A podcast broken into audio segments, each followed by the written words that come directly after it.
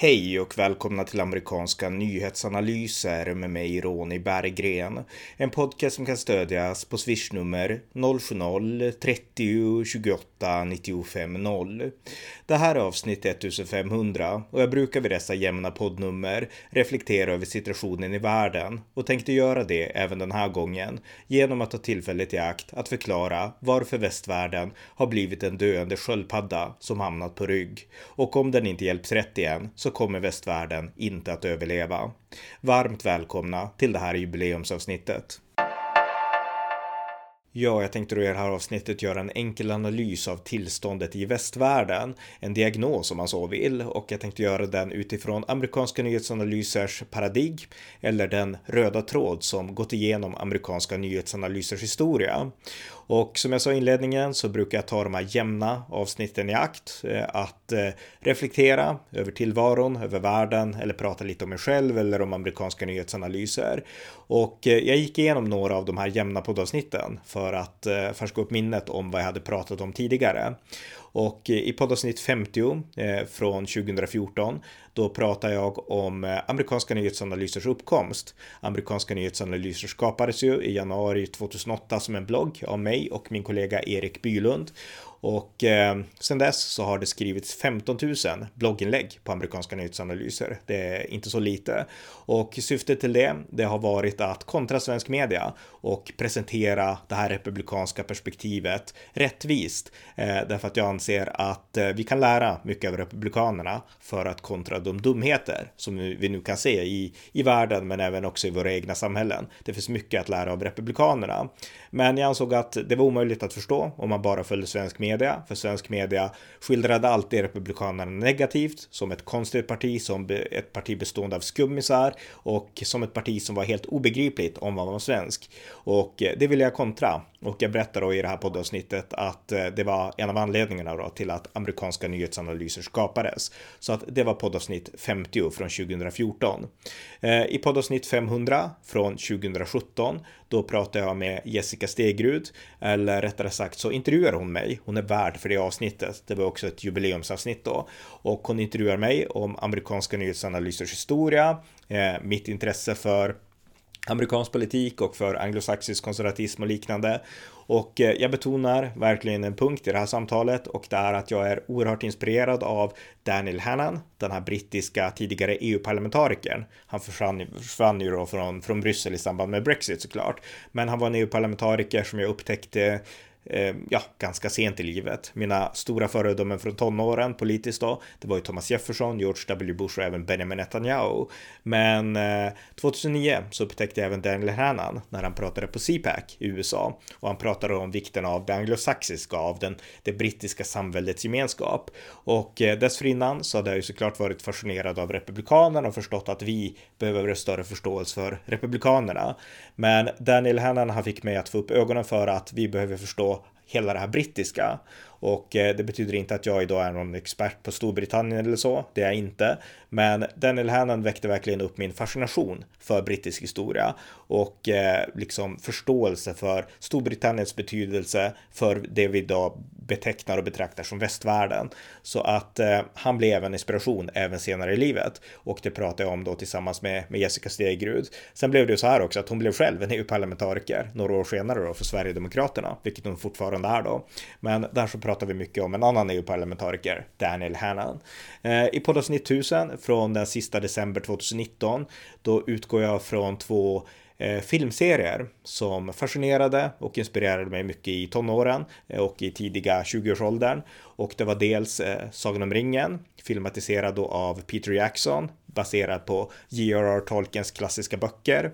Eh, Bilbo läste jag när jag var 13 och Sagan om ringen läste jag när jag var typ 19 eller sådär. Och eh, jag såg ju såklart fram emot de här filmatiseringarna som kom 2001 väldigt, eh, ja, med väldigt stor förväntan. Och jag älskade Peter Jacksons filmer.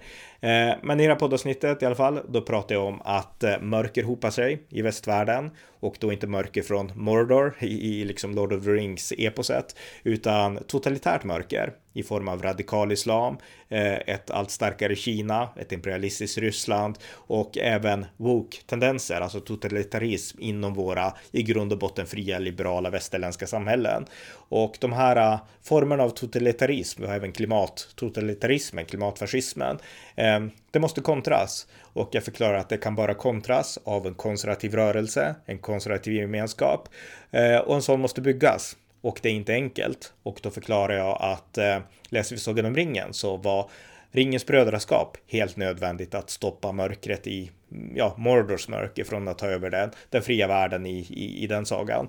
Men eh, den här gemenskapen, Ringens brödraskap, det var svårt att hålla samman och eh, det här är en prövning som hjältarna där, Frodo och Sam och alla de andra, fick kämpa sig igenom och vi behöver en gemenskap nu också, en konservativ gemenskap. Och det kommer inte bli lätt att bygga den, men den är helt nödvändig att byggas, förklarar jag då med Sagan om ringen som utgångspunkt. Sen går jag in på en annan filmserie då, och det är Star Wars, eh, George Lucas klassiska epos från 80-talet, första kom väl 79 där. Eh, men jag förklarar utifrån den serien då att eh, en gemenskap behövs för att besegra mörker. Men det räcker inte med gemenskap. Det behövs också ledarskap och eh, då går jag in på en del karaktärer då i, i Star Wars-filmerna. Att eh, en gemenskap utan ledarskap, den kommer inte klara sig och en ledarskap utan gemenskap kommer ju såklart inte heller att fungera för då finns det inget att leda. Så att vägen framåt för att rädda västvärlden förklarar jag utifrån de här fil filmserierna. Det är en konservativ gemenskap och ett konservativt ledarskap. Så att det är i poddavsnitt 1000 från den 31 december 2019. Eh, I poddavsnitt 1250 från 2020 så pratar jag tillsammans med Pelle Zackrisson om behovet av att det här ledarskapet, det konservativa ledarskapet, också måste vara intellektuellt. Inte överintellektuellt, inte liksom alltför akademiskt, men det måste ändå likväl vara intellektuellt för att få den styrka som behövs för att kunna leda på ett vettigt sätt. Så att det pratar jag om i poddavsnitt 1250. Så att det finns en röd tråd i amerikanska nyhetsanalyser i poddens eh, och bloggens 14-åriga historia eh, med 15 000 blogginlägg och 1500 poddavsnitt. Och den röda tråden är att västvärlden befinner sig i ett sjukdomstillstånd eh, och att medicinen är idéer som kommer från den anglosaxiska världen, från republikanerna i USA, från Storbritanniens konservativa historia och eh, att vi behöver applicera de här idéerna på Europa och på övriga väst om vi vill klara oss mot totalitarismens mörker. Om jag tittar tillbaka på amerikanska nyhetsanalyser så är det det som är den röda tråden. Och utifrån den röda tråden, det paradigmet, så tänkte jag idag eh, ägna det här avsnittet åt att eh, prata om det tillstånd som västvärlden just nu befinner sig i. Ja, låt oss då gå in på analysen av västvärldens tillstånd genom att börja att beskriva hur en frisk västvärld ser ut. Eh, och västvärlden, det som har kännetecknat västvärlden i dess friska tillstånd, det är att västvärlden har varit en civilisation som har stått upp för män och kvinnors lika värde på ett helt unikt sätt i världshistorien. Det har inte varit så såklart att män och kvinnor har haft samma eh, rättigheter i samhället alltid eller samma könsroller eller sådär, så har det inte varit, utan det är en konsekvens av politisk liberalism och modernitet. Men män och kvinnor har i den kristna civilisationen alltid haft samma värde. En flicka har inte varit mindre värd än en pojke. Och eh, det här är en idé som går tillbaka till kristendomens urkällor, till Paulus som pratar om att i Kristus så är ingen längre man eller fri, man, man eller kvinna, slav eller fri, eh, jude eller grek, utan alla är ni ett i Kristus. Så att eh, eftersom jag sa fel där då, ingen är längre man eller kvinna. Så att det här är liksom en del från Bibeln eh, och det har kännetecknat hela den kristna historien. Och det är därför länder som Ryssland, eh, länder i Afrika, kvinnor har haft oerhört stora rättigheter där i jämförelse till exempel med islamisk civilisation, men även i jämförelse med andra kulturer, hinduism och eh, ja, olika former av hederskulturer. Flickor och kvinnor har haft ett mycket större värde i den kristna civilisationen och det här har präglat väst och eh, sen då fått spridning på grund av västvärldens globala dominans även på andra håll i världen. Men det kommer från väst och det kommer från från kristendomen. Eh, idag så kan vi se hur kvinnors värde degraderas i väst därför att vi har tappat de här principerna och eh, nu så finns det extremfeminism, vi har transgenderrörelsen och annat som gör att eh, det blir större problem för, för kvinnor på, på alla möjliga sätt. Transgenderrörelsen, den har vi pratat om i många poddar tidigare, om hur liksom manliga idrottare hotar damidrotten i princip i många avseenden. Eh, vi kan också se det på eh, behovet där liksom flickor pushas att liksom vara mer som killar istället för att man då ska bejaka att män och kvinnor är olika och sen så bekräftar de båda på respektive håll utan att vare sig nedvärdera eller uppvärdera det andra könet utan inse att båda, båda könen finns och kompletterar varandra och givetvis sen ha utrymme för människor som är alltså individer där kvinnor är mer som pojkar och eh, flickor är mer som män. Alltså, eh, sånt har ju alltid funnits pojkflickor och vice versa. Så att det är liksom en sak. Men eh, den här grundidén då, att alla oavsett kön har lika mycket värde, den håller idag på att eroderas igen, fast på ett annat sätt. Inte kanske på bekostnad av det andra könet, utan på bekostnad av idéer om transkön och liksom könlöshet och liknande. Och det är farligt för kvinnor, därför att om kvinnor är en biologisk varelse så innebär det att hot kan komma från olika håll, inte bara från det motsatta könet utan även från de som vill demontera det kvinnliga könet. Så att eh, där är vi nu i väst, en västvärld i dekadens. Så att det är ett exempel eh, och det finns många andra exempel. Eh, går vi till utrikespolitiken så har vi ju liksom mängder av händelser där väst har börjat kompromissa och börjat backa. Eh, just nu så befinner sig väst i en konflikt med Ryssland och även om väst säger att vi ska vara tuffa med sanktioner så har vi ändå hamnat i ett tillstånd där Ryssland kan diktera i mångt och mycket det som händer i världen utan att väst ger hårt svar på tal. Eh, innan, innan det här med Ryssland och Ukraina så hade vi Afghanistan där väst kapitulerade, talibanerna tog över. Så att det är en västvärld på reträtt och det här är också en konsekvens av ett sjukdomstillstånd. Eh, det är en konsekvens av en västvärld som inte längre känner sig liksom starka. De tror inte längre på militärmakt som ett medel för att säkra västerländska värderingar i världen, utan nu tycker vi att det här är något fel, något konstigt och kanske något farligt. Och vi gör det på grund, att vi har, på grund av att vi har blivit matade med postmarxistiska teorier, postkolonialism och liknande som eh, menar att allt ont i världen, det beror på västerländsk imperialism och motstånd mot västerländsk, västerländsk imperialism är därför per automatik av godo. Och vi har börjat betrakta världen och oss själva utifrån de perspektiven. Och det gör att när det blir konflikter så backar vi hellre än att ta fighten därför att vi kan väl inte säga att våra värderingar är bättre eller vi kanske inte liksom ja, vi vill inte och vi vågar inte strida därför att våra mentalitet, vårt sätt att tänka har förändrats i så många avseenden. Och det här är också en del av liksom dekadensen för västvärlden. Och fortsätter det här, då kommer ju de här starka militärmakterna som inte skäms för sin kultur, för sina värderingar. Ryssland, Kina, militant islam och många andra. Då kommer de att avancera på våran bekostnad. De senaste 400 åren har det varit tvärtom. Väst med Storbritannien och liksom alla senare imperiemakter som kom har avancerat ut mot världen för att väst blev starkare och sen har vi pressat våra värderingar globalt. Ehm, nu befinner vi oss i en fas där processen går i motsatt riktning. Vi krymper, vi tyr oss mer åt oss själva och de här andra kulturerna, imperierna, religionerna och eh, historieskildringarna, de börjar ta mer utrymme i världen. Och eftersom de här civilisationerna inte har samma syn som vi på kvinnor och på jämlikhet och liknande och på individuell frihet, då innebär det att till slut så kommer de värderingarna också pressas in här hos oss. Och det kan vi redan se idag i Europa och inte minst här i Sverige där islamisk kvinnosyn har blivit en konkurrent till västerländsk kristen svensk kvinnosyn. Och det här är oerhört allvarligt och jag tycker att alla som vill värna flickors och kvinnors rätt att leva västerländskt, de bör oroa sig för det vi ser ske nu här i Europa. För det som nu sker, sker alltså inte i Mellanöstern utan det sker i Europa. Och eh, det är en konsekvens av att väst har blivit sjukt. Eh, vi har inte förstått det unika i våra egna värderingar och därför har vi inte heller försvarat dem när de har behövt försvaras. Och nu befinner vi oss i ett tillstånd där det knappt ens, ja, det går att försvara dem, men det är en oerhörd uppförsbacke och det kommer att bli väldigt tufft att göra det. Så att väst befinner sig i ett sjukdomstillstånd. Det går inte att liksom säga så mycket annat. Vi kan också liksom gå in på det som händer i eh, i Kanada till exempel nu. Det är ju liksom eh, en grej för stunden, men det säger ändå väldigt mycket att en sån som Justin Trudeau, han betraktar alltså vanliga kanadensare som vill fortsätta leva som vanliga kanadensare alltid har gjort och därför protesterar mot vaccinmandat och annat. Han betraktar dem ju precis som att de vore terrorister, typ al-Qaida terrorister och liksom påkallar inför undantagslagar och liknande för att kunna slå ner på de här truckers i Kanada. Det är illa. Och samtidigt har vi Sverige som eh, släpper in våra egna riktiga jihadister från kalifatet. De får komma in, de släpps ut på gatan eh, och så.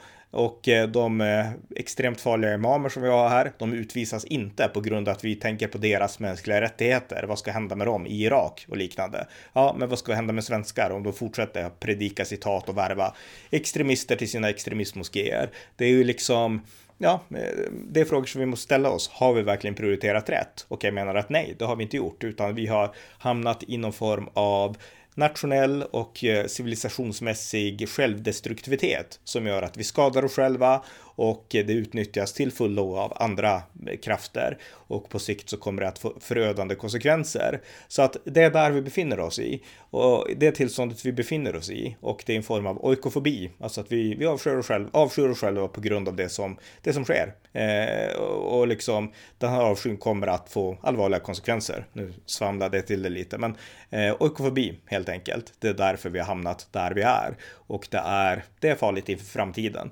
Så att eh, så blev vi sjuka. Och eh, det här för mig över till exemplet med sköldpaddan som jag nämnde inledningsvis att jag skulle dra. Det var så här att jag läste och jag lyssnade också på radion där man pratade om sköldpaddor och det sades och det stod att eh, sköldpaddor som hamnar på rygg, de kan i ett normalt tillstånd i naturen och när de är friska eh, vända på sig igen. Även om de hamnar upp och ner på skalet så kan de vicka på sig och eh, komma på fötter igen på helt egen hand. Men om de är sjuka eller om de befinner sig i en steril, eh, icke-naturlig miljö som till exempel ett tomt terrarium och de då hamnar på rygg, då kan de inte vända på sig själva. Och om de inte kan det, då kommer de att dö om de inte får hjälp utifrån. Och när jag hörde och läste om det här så tänkte jag att det här är den perfekta beskrivningen på tillståndet i västvärlden. Vi är som en sköldpadda som har hamnat upp och ner med liksom benen i luften, vi viftar, men vi är för sjuka. Vi saknar kraften att kunna vända på oss själva. Och den här sjukdomen är ju oikofobin, att vi avskyr oss själva så mycket att vi vill inte ens försöka. Även om vi kanske sakta, lite vagt inser att det skulle behövas, så gör vi ingenting åt saken.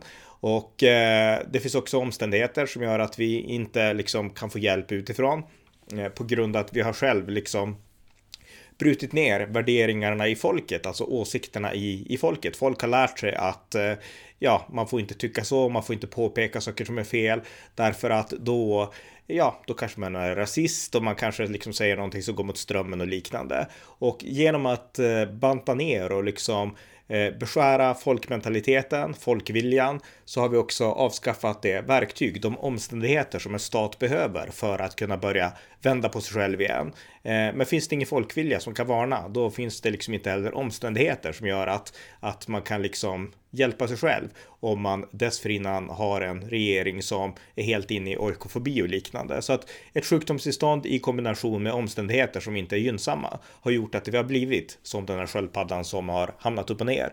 Så att det var min sköldpaddsliknelse. Jag vet inte hur bra den var, men jag tycker ändå att den var, det var talande och jag, liksom när jag läste om det så tyckte jag att det här är, det här är väst i alla fall. Så att eh, så är tillståndet. Vi är en sjuk sköldpadda på rygg och frågan är då vad kan göras för att få västvärlden frisk igen? Jag pratade ju tidigare om att det som har kännetecknat väst är saker som ja, liksom jämlikhet, men även utbredande av demokrati och liksom den här västerländska progressiva och positiva globala dominansen. Eh, idag från vänsterhåll så pratas det mycket om att väst var kolonialister och vi gjorde så mycket fruktansvärt och så. Och den biten finns också. Den ska inte förringas. Den ska vara med i historieskrivningen. Men vi har hamnat helt på vi har fått slagsida helt åt ett håll här. Väst gjorde också väldigt mycket gott och de här värderingarna som jag pratar om, det är en konsekvens av väst. De kommer inte från andra civilisationer. Men hur ska vi nu göra nu när vi har blivit sjuka för att återgå och komma tillbaka till, till rätt tillstånd? Eh, jag skulle säga att eh, det finns en väg framåt och den vägen heter konservatism och då i synnerhet anglosaxisk konservatism. Och eh, som jag sa när jag berättade om mina tidigare poddar, den röda tråden i amerikanska nyhetsanalyser, det är just det att vi kan lära från den anglosaxiska världen. Från republikanerna i USA, från Tories i Storbritannien och från liksom den anglosaxiska värld som det brittiska imperiet ändå liksom kanaliserade utåt och som finns på olika platser över hela jorden. Eh, där finns idéerna. Där finns idéerna om individuell frihet som är ytterst viktiga att värna eh, i motsats till hur civilisationer ofta har tänkt på individer. Då har man tänkt dem som, som liksom kugghjul i bygget. Så är det fortfarande i Kina, men det var det så i liksom alla civilisationer nästan. Och här i väst så har vi också kollektiva ideologier, socialism och kommunism, men även liksom fascism i olika former. Och här kommer det brittiska in, alltså att det finns en individualism och eh, de kollektiva eh, processer, de kollektiva församlingar och rörelser som ändå behövs för att människan måste ändå verka kollektivt. Det är så vi kan få saker att fungera. Det skapas genom ett civilsamhälle, det skapas genom starka värderingar som man lär sig genom utbildning och liknande. Men det skapas inte genom att regeringen dikterar och bestämmer och straffar, utan det måste växa organiskt, naturligt fram. De här, de här, det här kollektiva medvetandet och liksom gemenskapen som gör att man får handlingskraft i samhället. Så att det är en av de egenskaperna jag tror vi kan lära väldigt mycket av. Om man skulle tro på de sakerna, då skulle man man kanske inte göra som man gör nu i Kanada, liksom bara hacka ner på de här äh, lastbilschaffisarna. Det är en sak. En annan sak är idén om rättssäkerhet. Den här idén håller på att undergrävas i Sverige. Sverige är inte liksom rättssäkert på samma sätt längre. Eh, brottslingar kan göra fruktansvärda saker och komma undan. Offer kan genomleva fruktansvärda saker utan att samhället ger upprättelse eller det stöd som behöver. Så att eh, Sverige är inte längre rättssäkert. Men just det här med rättssäkerhet, det är en del som Eh, har funnits tydligt inom anglosaxisk tradition och även om både USA och England har sina problem här idag så är det ändå ingen tvekan om att den anglosaxiska rättstraditionen har byggt, betytt mycket för att avskaffa laglöshet i världen, i Indien inte minst där britterna fanns. och även på många andra håll. Så att där har vi också en princip som kommer från den anglosaxiska världen och där det här blir logiskt. Därför att jag tror inte att det hade kunnat spårat ur på samma sätt i England som i Sverige. Alltså att brottslingar som begår våldtäkter och liknande får stora ersättningar, utan där åker de in i finkan och sen så får de vara där på grund av det brott man gjort. Så att det finns en mycket mer tydligare syn på sådana saker i de länderna skulle jag säga då. Eh, det är en sak, liksom individuell frihet. Eh, eh, eh rättsfrihet men också eh, privat ägande. Det är också en grej som kännetecknar den anglosaxiska världen och det är i synnerhet USA där det privata ägandet är starkt och djupt förankrat. Eh, och det finns i Storbritannien också såklart, men i Storbritannien hade man problemet att det också fanns en aristokrati som ägde väldigt mycket mark och väldigt gärna ville fortsätta, fortsätta äga väldigt mycket mark. Medan i USA så fanns inte aristokratin utan där var det vanligt folk som blev markägarna och då så bestämde över landet. Så att en skillnad finns där. Men just den här traditionen om att eh, det privata ägandet väldigt viktigt för att bygga det starka civilsamhället. Det finns inte alls på samma sätt inom den katolska civilisationen, för där var det kyrkan som ägde och det såg som något slags kyrkans och kronans liksom eh, äganderätt. Det såg som liksom ett, en form av naturligt tillstånd på ett sätt fallet inte var i den anglosaxiska världen. Och vi håller på att undergräva eh, äganderätten idag, både i Sverige och i liksom stora delar av väst eh, utifrån mer utopiska anledningar där vi då tycker att äganderätten den är egoistisk och vi vill vara kollektivt altruistiska. I praktiken så blir det inte så utan konsekvenserna blir illa för alla. Men vi tänker inte så. Medan i Storbritannien så finns det fortfarande kvar där tänkandet om vikten av att värna äganderätten. Och jag tror också att det är en väg framåt för att hjälpa väst att återigen vändas rätt på fötter igen då så att man inte ligger på sitt skal och liksom viftar med benen uppåt. Så att det här är väldigt viktigt, alltså att man får in de här principerna.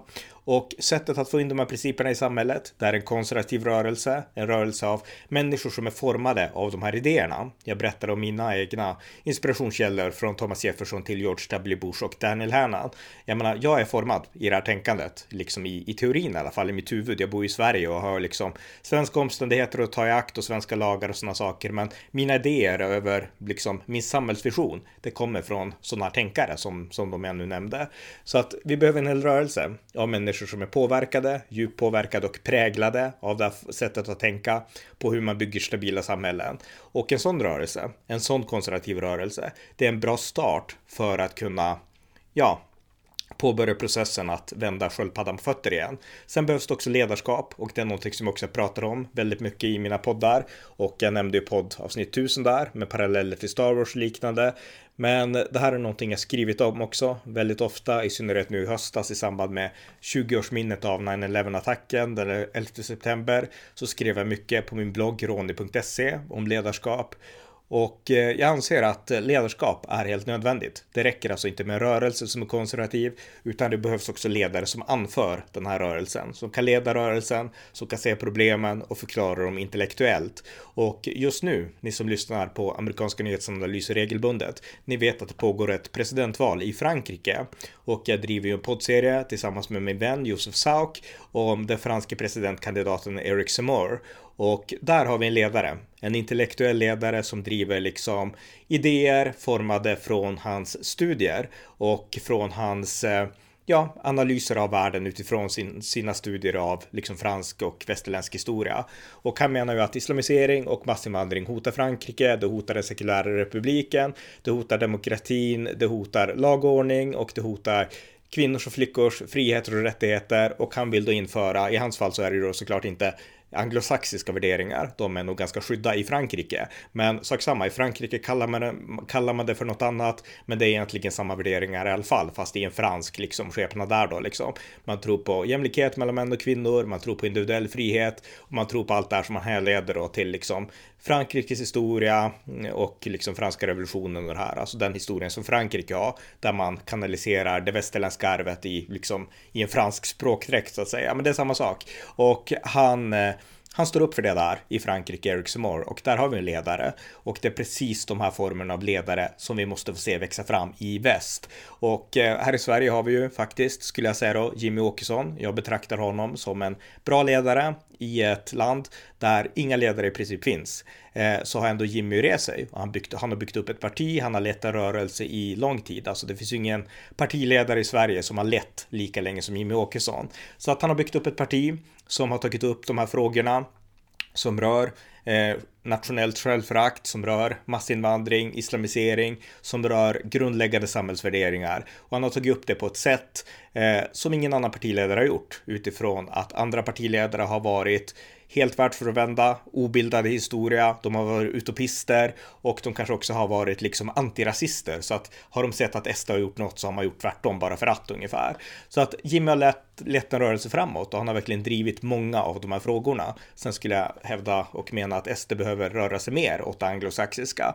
Men det finns inget parti i Sverige med lika mycket potential att verkligen hantera de här frågorna som väst brottas med idag, som Sverigedemokraterna. Så att Jimmy Åkesson är en ledargestalt i Sverige. Något annat annat kan jag inte säga, för det är så jag tycker.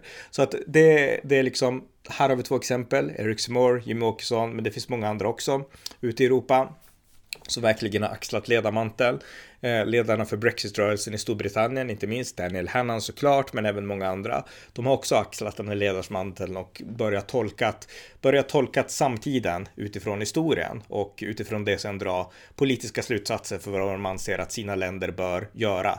Så att jag tycker att det är väldigt positivt med att få se det här ledarskapet växa fram. Och när det här ledarskapet i kombination med att en konservativ rörelse också växer fram parallellt eh, väl har mognat och blommat ut, då kommer vi att kunna vända, vända den västerländska sköldpaddan rätt igen. Då kommer vi att kunna eh, ja, få sköldpaddan på fötter och eh, se till att västvärlden återigen blir det ljus i den globala mänskliga civilisationen som västvärlden faktiskt har varit. För vi ska verkligen komma ihåg att det är väst som har gett världen individuell frihet. Det är väst som har sett till att kvinnor behandlas bättre än de gjorde innan det här västerländska ljuset kom till. Det är väst som har sett till att eh, en marknadsekonomi har blivit global som har skapat en global medelklass och som har gjort att fattigdom inte är längre världens naturtillstånd, vilket det alltid har varit förut, utan vi har verkligen lyft världen. Det är det som är viktigt att komma ihåg. Och i en tid av oikofobi, av postmodernism och liknande, där vi lär oss motsatsen, att väst är roten till allt ont, så är det viktigt att pusha och betona det här. Väst är roten till det mesta som är gott i, i världen.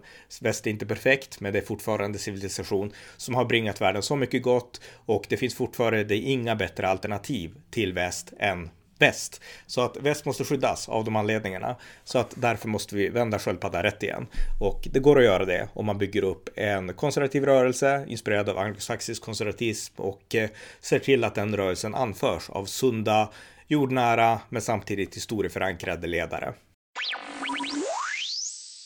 Och eh, vad krävs då för att få sådana här eh, ledare att växa fram och för att få sådana här eh, konservativa gemenskaper att skapas? Jo, jag tror så här att gemenskaperna, precis som ledarskapet, måste vara idéförankrat. Idag, i dagens västvärld, så har vi ett problem. Vi har problem med ledarskapet framför allt, att ledarskap, politiskt ledarskap i synnerhet, inte nödvändigtvis är idéförankrat, utan det kan vara förankrat i karriärsambitioner, det kan vara förankrat i pengar, önskan att att få ett politiskt jobb där man tjänar stora pengar. Det kan vara förankrat i ja, andra saker.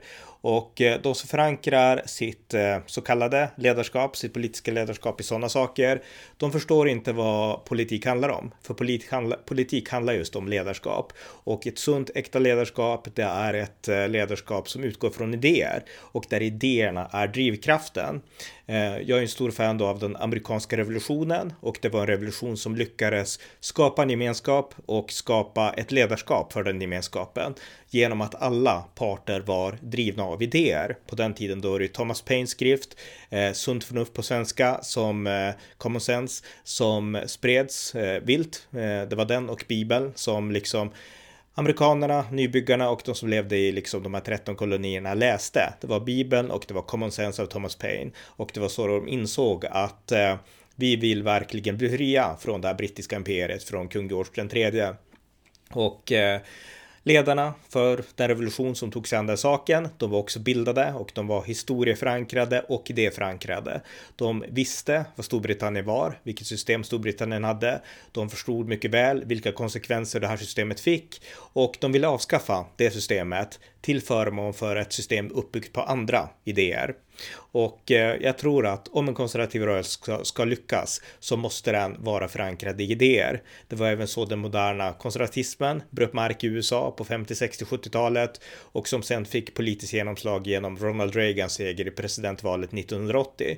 Det var också en idébaserad rörelse där vanligt folk insåg att något är fel och de klurade ut genom att studera historien, studera samtiden, studera olika ideologier, marxismen främst, eh, vad som var fel och varför saker hade gått fel. Och sen så kom man med ett eh, alternativ som man presenterade byggt på en annan historia, på liksom den konservativa historiesynen och byggt på amerikanska traditioner och det man med sunt förnuft visste fungerade. Och eh, den revolutionen, den konservativa Reagan Revolution som det kallas, den lyckades på grund av att både ledarskapet och folket inom den rörelsen var idébaserade och idéfokuserade. Hade de varit karriärister så skulle det inte ha lyckats. Och orsaken till det, det beror på att idéer som är det enda som kan förändra på riktigt, det är någonting man måste kämpa för. Och det är oftast någonting som möter väldigt mycket motstånd, för det finns oftast etablissemang och maktkonstellationer som utmanas på allvar om det kommer en idé, en ny idé som kastas mot dem. För en idé kan man inte kompromissa bort, en idé kan man inte muta, en idé kan man inte slå ner, utan det enda man kan göra för att bekämpa en idé, det är att liksom på något sätt försöka trycka undan budbärarna av den här farliga idén som, som kommer. Och eh, Därför är det farligt att driva revolution med idéer. Det är mycket enklare att försöka förändra saker i ett rent mikroperspektiv, små detaljer och så. Men vill man göra stora samhällsförändringar baserade på idéer så möter man motstånd. Och är man då en politiker som är karriärist eller som drivs av andra ambitioner, gillar att få ryggdunkar av sina egna sammanhang, då kommer man inte att hålla måttet när det väl börjar storma. Därför att då drivs man inte av idéer utan av andra saker. Och när man då möter det motstånd som idéer alltid skapar så är man inte beredd på det motståndet. Och det är just därför som vi inte kan ha ledare för en sån här rörelse som är karriärister eller på annat sätt är felaktiga personligheter. Utan det behövs riktiga ledargestalter. Och riktiga ledargestalter, de skapas oftast genom att de har levt i en omgivning där de tydligt har sett de problem som finns och de har förstått historiskt vad som behöver göras för att åtgärda problemen på ett bra och korrekt sätt. Och mina egna inspirationskällor såklart är ju författningsfäderna, Thomas Jefferson i synnerhet, men även Thomas Paine, John Adams och James Madison och alla andra. Eh, så att Eh, en idébaserad gemenskap och en idébaserat, ett idébaserat ledarskap, det är vägen framåt för att få till stånd eh, den här konservativa rörelsen som är helt nödvändig för att vända sköldpaddan rätt igen. Så att det blir min avslutande reflektion här eh, på den här eh, diagnostiseringen av, eh, ja, av en sjuk västvärld som är i desperat behov av räddning. Ja, det var alltså några tankar om den upp och nervända västerländska sköldpaddan som är i desperat behov av räddning. Och eh, idéerna som jag presenterat, de visar att det inte är hopplöst utan det finns ett ljus i tunneln om en sån här rörelse som jag pratat om väl bara kan byggas upp och det är min förhoppning att det ska ske. Och amerikanska nyhetsanalyser som nu är inne på avsnitt 1500 hoppas jag ska bidra till att göra er som lyssnar konservativa. Och det för mig över till slutet av det här poddavsnittet. Eh, eftersom det är avsnitt 1500 så tänkte jag ta tillfället i akt att tacka mängder av människor. Eh, det är ju så här att eh, en sån här podcast, den gör man inte helt själv. Även om jag är den som driver, leder podcasten och organiserar allt och styr upp allting så har jag inte gjort det här själv och det vet ju ni som lyssnar regelbundet. Så att jag tänkte tacka en rad människor här. Jag har gått igenom amerikanska nyhetsanalysers poddarkiv och eh, tittat vilka som har varit med, vilka som har ställt upp och eh, deltagit och blivit intervjuade och eh, regelbundet gästat podcasten helt enkelt. Så att eh, jag kommer inte nämna alla mina gäster, men däremot alla som jag ändå betraktar som schyssta och regelbundna deltagare. Och eh, vi kör igång på en gång med den här långa tacklistan.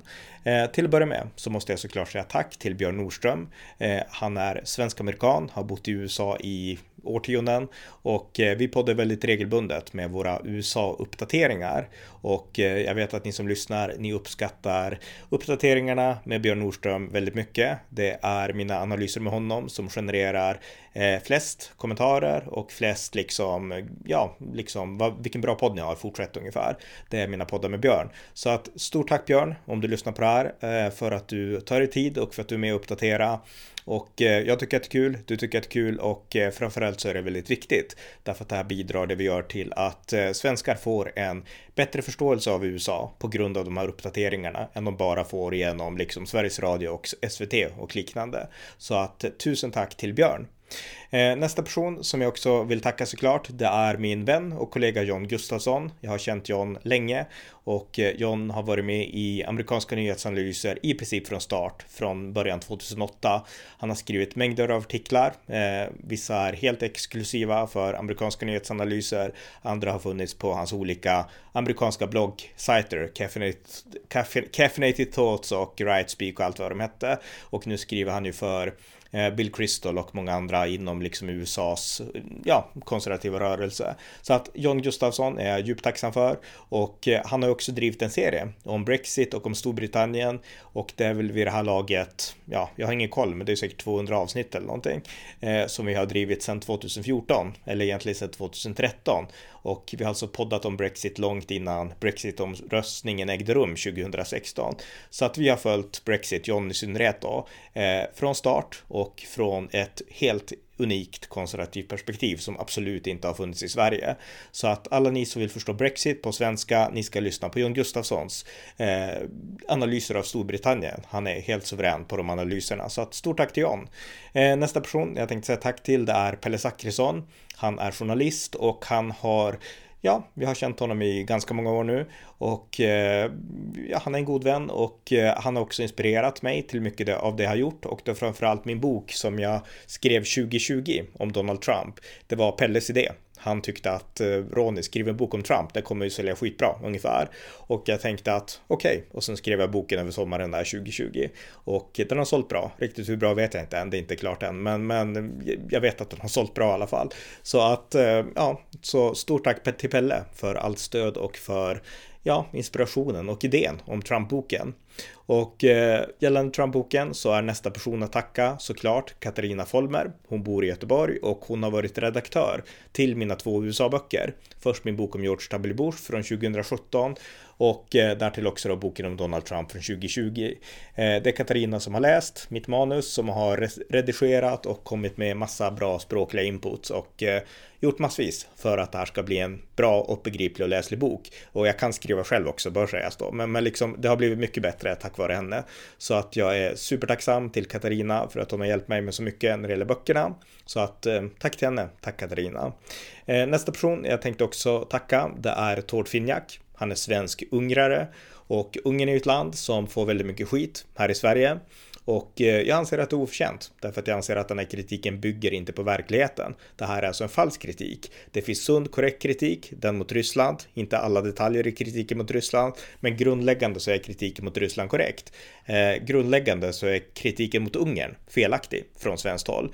Och Tortfiniak, han har ju poddat med mig om Ungern och Viktor Orbán i flera års tid. Och eh, det har verkligen gett en mycket mer sund och nykter bild av Orbán och av Ungern än vad som ges inom ytlig svensk journalistik. Så att tack Tord för det. Och eh, jag tror också att de här eh, poddarna om Ungern kan ha hjälpt er som lyssnar att få en mer ja, bättre förståelse för Ungern.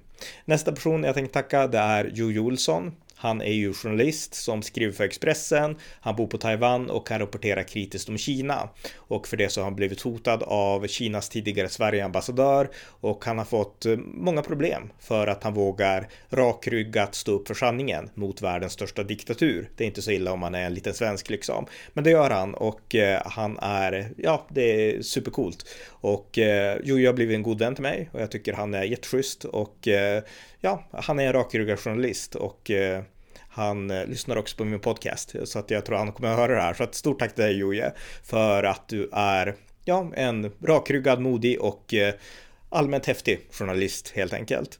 Eh, nästa person jag också tänkt tacka det är Jan Sjunnesson. Eh, vi lärde känna varandra kring 2016 tror jag. Jättetrevlig person som har varit en eh, känd personlighet inom Sveriges olika alternativmediamiljöer och är akademiker, väldigt beläst och väldigt kunnig och så. Och eh, allmänt schysst person som har hjälpt mig under tidigare år, inte minst av amerikanska nyhetsanalysers historia, att styra upp lite pubträffar och pubkvällar och sånt där och mingelkvällar i Stockholm. Så att eh, tusen tack Jan och eh, han har också varit med regelbundet i många av mina poddar och pratar om massa intressanta saker som marxismen på 70-talet som har växt upp i och liknande. Så att jag är djupt tacksam till Jan Sjunnesson. Eh, nästa person jag också vill tacka det är Josef Sauk. Eh, det är alltså Josef Sak som är den fransktalande akademikern som eh, poddar med mig om Eric Zemmour och jag säger inte så mycket själv då i de poddarna för jag kan för lite och jag förstår inte franska. Men Josef berättar om Eric Zemmour och han gör det otroligt bra. Han är akademiker och det hörs i poddarna, vilket jag tror att ni som lyssnar också förstår. Och jag ska säga att Josef Sak, han är också en person som var med och eh, arrangerade eh, mötet med bland med kungen, med olika partiledare, när Syrianska katolska kyrkans patriark Josef den tredje Junan kom till Sverige 2016. Jag var ju med på ett hörn också. Så att vi hade det väldigt, det var trevligt helt enkelt. Eh, så tack Josef för allt som du har gjort för för att ge mig stöd i, i det jag gör helt enkelt. Nästa person jag också vill rikta tack till det är Helena Edlund. Hon är präst i Svenska kyrkan och hon har skrivit en bok som heter Konsten att överleva Svenska kyrkan. Jag intervjuade henne om den för flera år sedan och hon har också stött mig på sidan om ibland sådär och eh, det är jag jätteglad för och eh, hon skriver numera för den norska sajten dokument.no.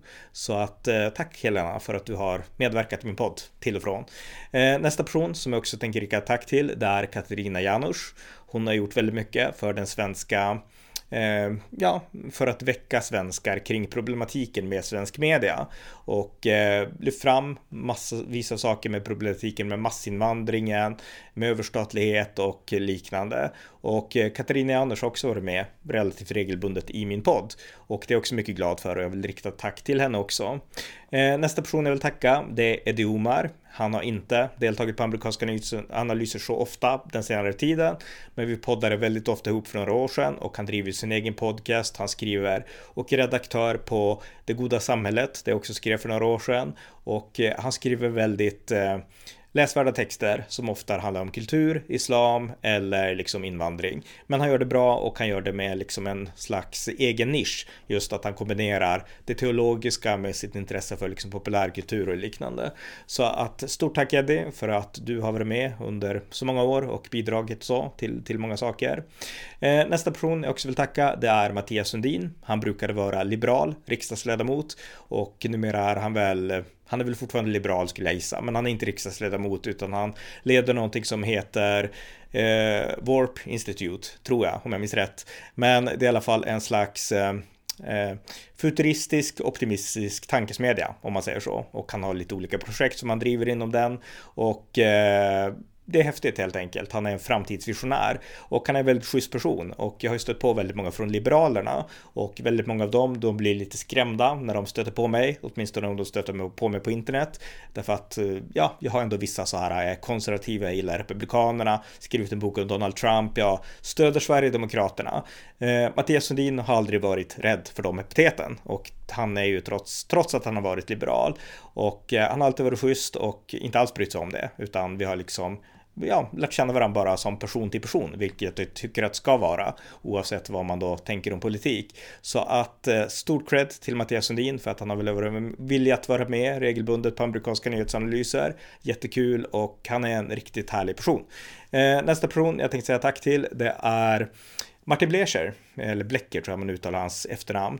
Han är alltså general direktör, generalsekreterare tror man säger, på vänskapsförbundet Sverige-Israel. Vi träffades häromdagen och eh, han har också varit med under åren och pratat om Israel då såklart och gjort det väldigt initierat, väldigt kunskapsfullt och väldigt balanserat och bra.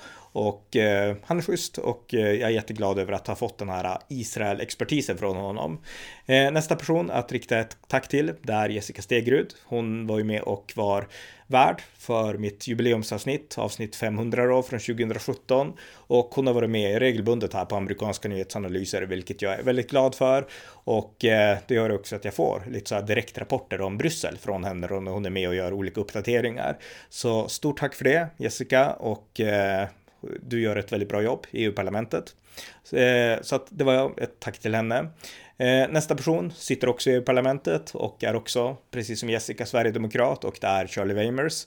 Eh, Charlie har också varit med regelbundet här på min podd på amerikanska nyhetsanalyser och eh, han är, ja, han är precis som jag i liksom ideologiskt avseende. Vi är båda inspirerade av USA.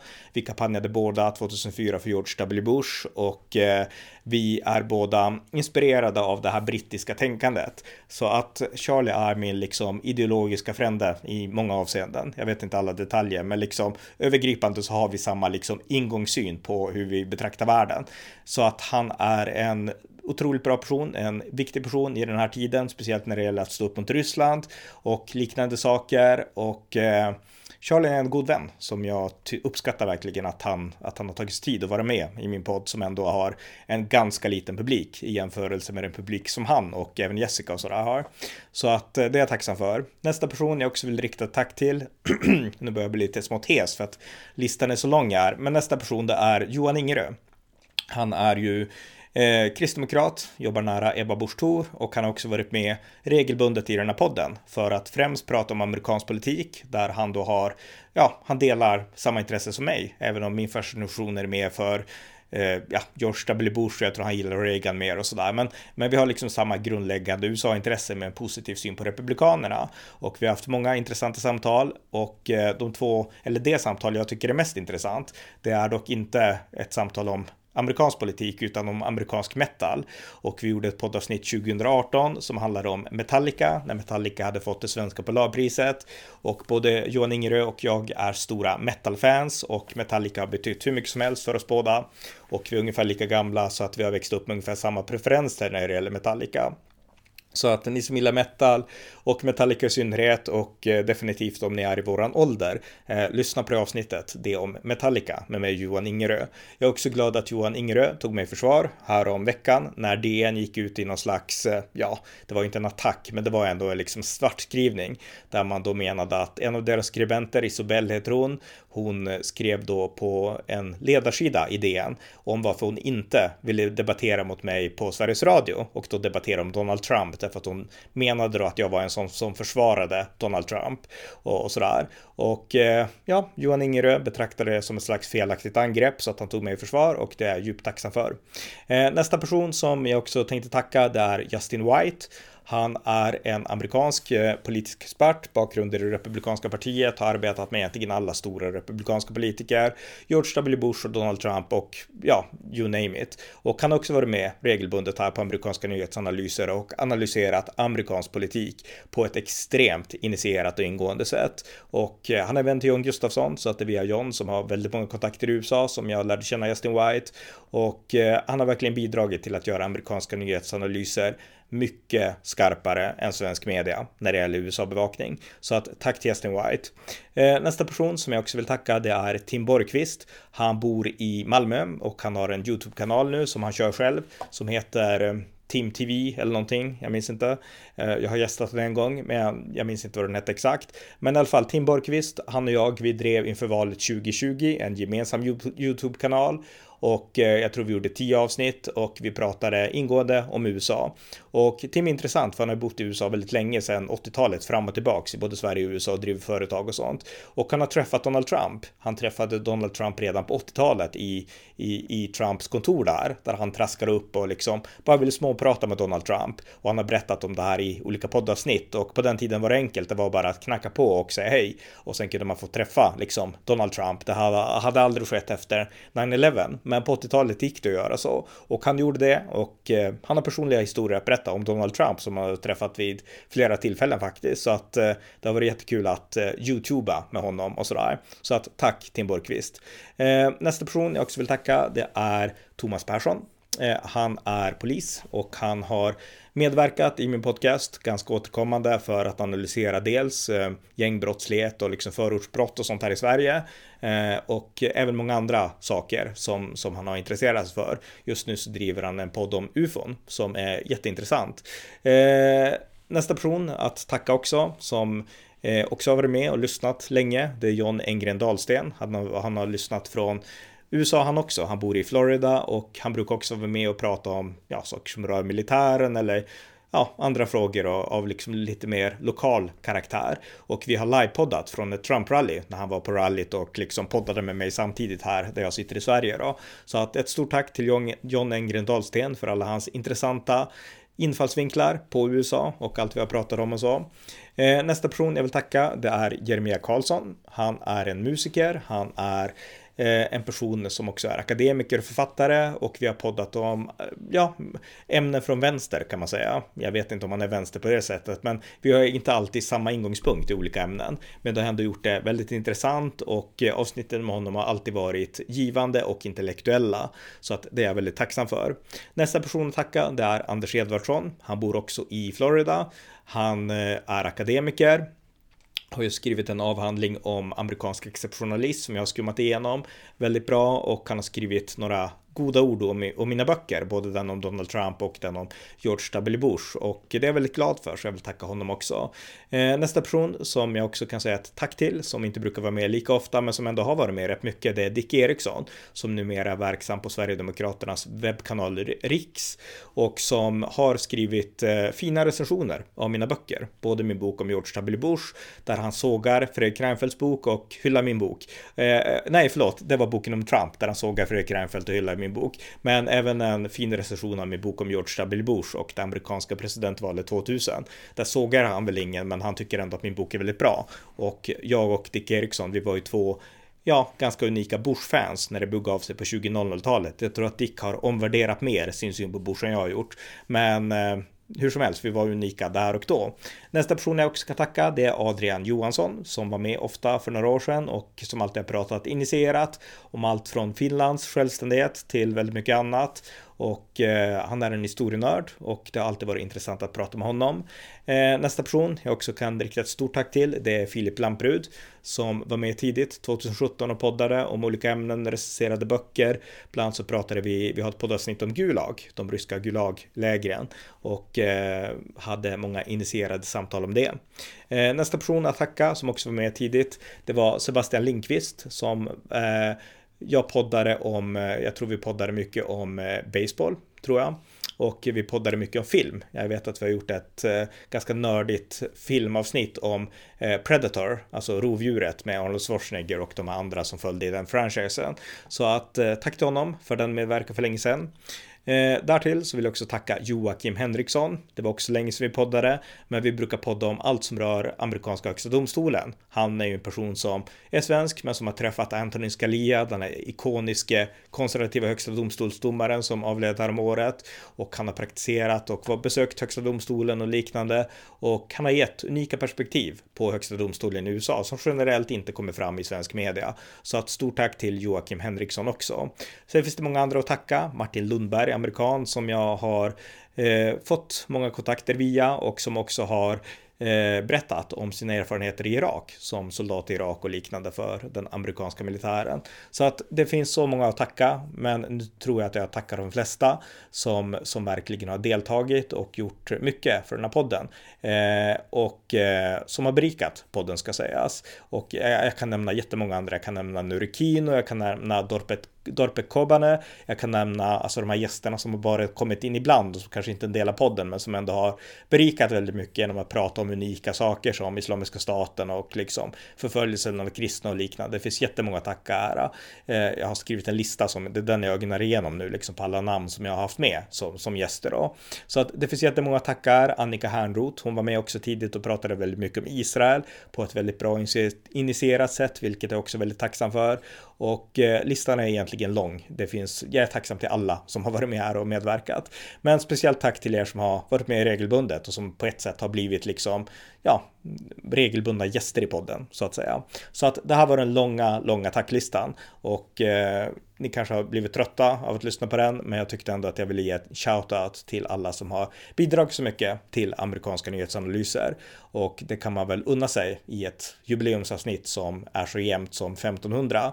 Och det här innebär alltså 1500 poddavsnitt att jag är bara 200 poddavsnitt bakom Joe Rogan som är världens största podcaster och som har omkring 1700 avsnitt. Sen lyssnar inte jag på honom regelbundet utan har bara lyssnat enskilt ibland och hans avsnitt är såklart längre än mina, men han tjänar stora pengar. Det gör verkligen inte jag och han eh, har också liksom, ja, resurser och liksom sådana saker som jag inte alls har, utan jag gör det här på min fritid på sidan om jobbet. Men, men liksom eh, ja, jag ligger 200 avsnitt av bakom honom så att det gör ju ändå att jag känner mig lite stolt. Men det för mig över till det allra sista här. Jag kommer nu att eh, dra ner lite grann på amerikanska nyhetsanalysers verksamhet. Jag har eh, poddat väldigt intensivt nu i år. Jag tror att jag gjorde 26 poddar i januari och jag tror att jag har gjort, eh, ja, nu är det alltså Eh, när jag spelar in det där så är det 19 februari och jag har gjort eh, 19 avsnitt i februari månad, alltså lika många avsnitt som dagar. Så att jag har alltså sammanlagt gjort 45 poddavsnitt januari och februari 2022. Och det är inte jättelite. Eh, de flesta poddar gör ett avsnitt i veckan och det innebär att man det tar nästan ett år att göra lika många poddavsnitt. Och jag känner att den här takten, den går väldigt snabbt. Och jag ska försöka hinna lite annat. Lite akademiska studier och lite andra saker. Så att jag kommer inte att podda lika intensivt framöver. Utan jag kommer att trappa ner, vilket jag inte tycker är kul för jag blir lite uttråkad av att göra så. Men då får jag hitta andra saker istället då. Men eh, jag kommer inte lägga ner amerikanska nyhetsanalyser, men bara trappa ner och eh, kanske ta ett break också ett tag framöver. Men eh, amerikanska, amerikanska nyhetsanalyser kommer fortsätta, men inte lika intensivt, gissar jag i alla fall. Men det här är liksom inte, ja, det här är liksom ingen Inget pangbesked eller någonting utan bara liksom en hint om åt vilken riktning det lutar. Jag kommer trappa ner amerikanska nyhetsanalyser, kanske ta en paus, men eh, podden kommer att fortsätta i alla fall. Och med det sagt så ja, vill jag tacka alla er som har lyssnat på hela det här långa, långa avsnittet. Men eh, tack för er som har lyssnat och för er som lyssnar regelbundet igen då. Eh, er vill jag såklart tacka speciellt, alltså för att avsluta med det. Alltså stort tack till er, inte bara er som har medverkat utan er som har lyssnat på alla de här eh, 1500 avsnitten, i synnerhet er, alla ni som har donerat ibland, alla ni som har uppmuntrat, skrivit ett meddelande. Eh, förklarat, beskrivit i mail och liknande, till och med telefonsamtal, hur mycket liksom podden har betytt och hur bra den är och sådär. Alltså sånt är uppmuntrande och glädjande och så. Så att eh, mitt stora tack också såklart till er för att ni lyssnar och för att ni håller upp de här uh, lyssnarsiffrorna. Jag har väl ungefär cirka tusen lyssnare per avsnitt och eh, det finns många som har betydligt fler lyssnare än jag. Men med tanke på att jag har tusen avsnitt per avsnitt och jag släpper ett avsnitt om dagen så blir det inte så lite ändå om man ska liksom se det på det sättet. Och det visar att ni inte ledsnar. Därför att då hade det kanske varit 100 avsnitt på ett, dag ett och lite färre på dag två och så vidare. Men det ligger på tusen per avsnitt, även om jag släpper ett avsnitt om dagen. Så att jag är jättenöjd och jättetacksam till er som lyssnar regelbundet. Så att stort tack till er allihopa, verkligen från djupet av mitt hjärta om man säger så. Så att med det sagt så ska jag avrunda svamlet, kontentan här, förutom att tacka alla som har medverkat. Det var att förklara att västvärlden är den upp och nervända sköldpaddan och vi behöver bygga en rörelse tillsammans som hjälps åt att vända sköldpaddan rätt igen. Det är bara så västvärlden kan räddas.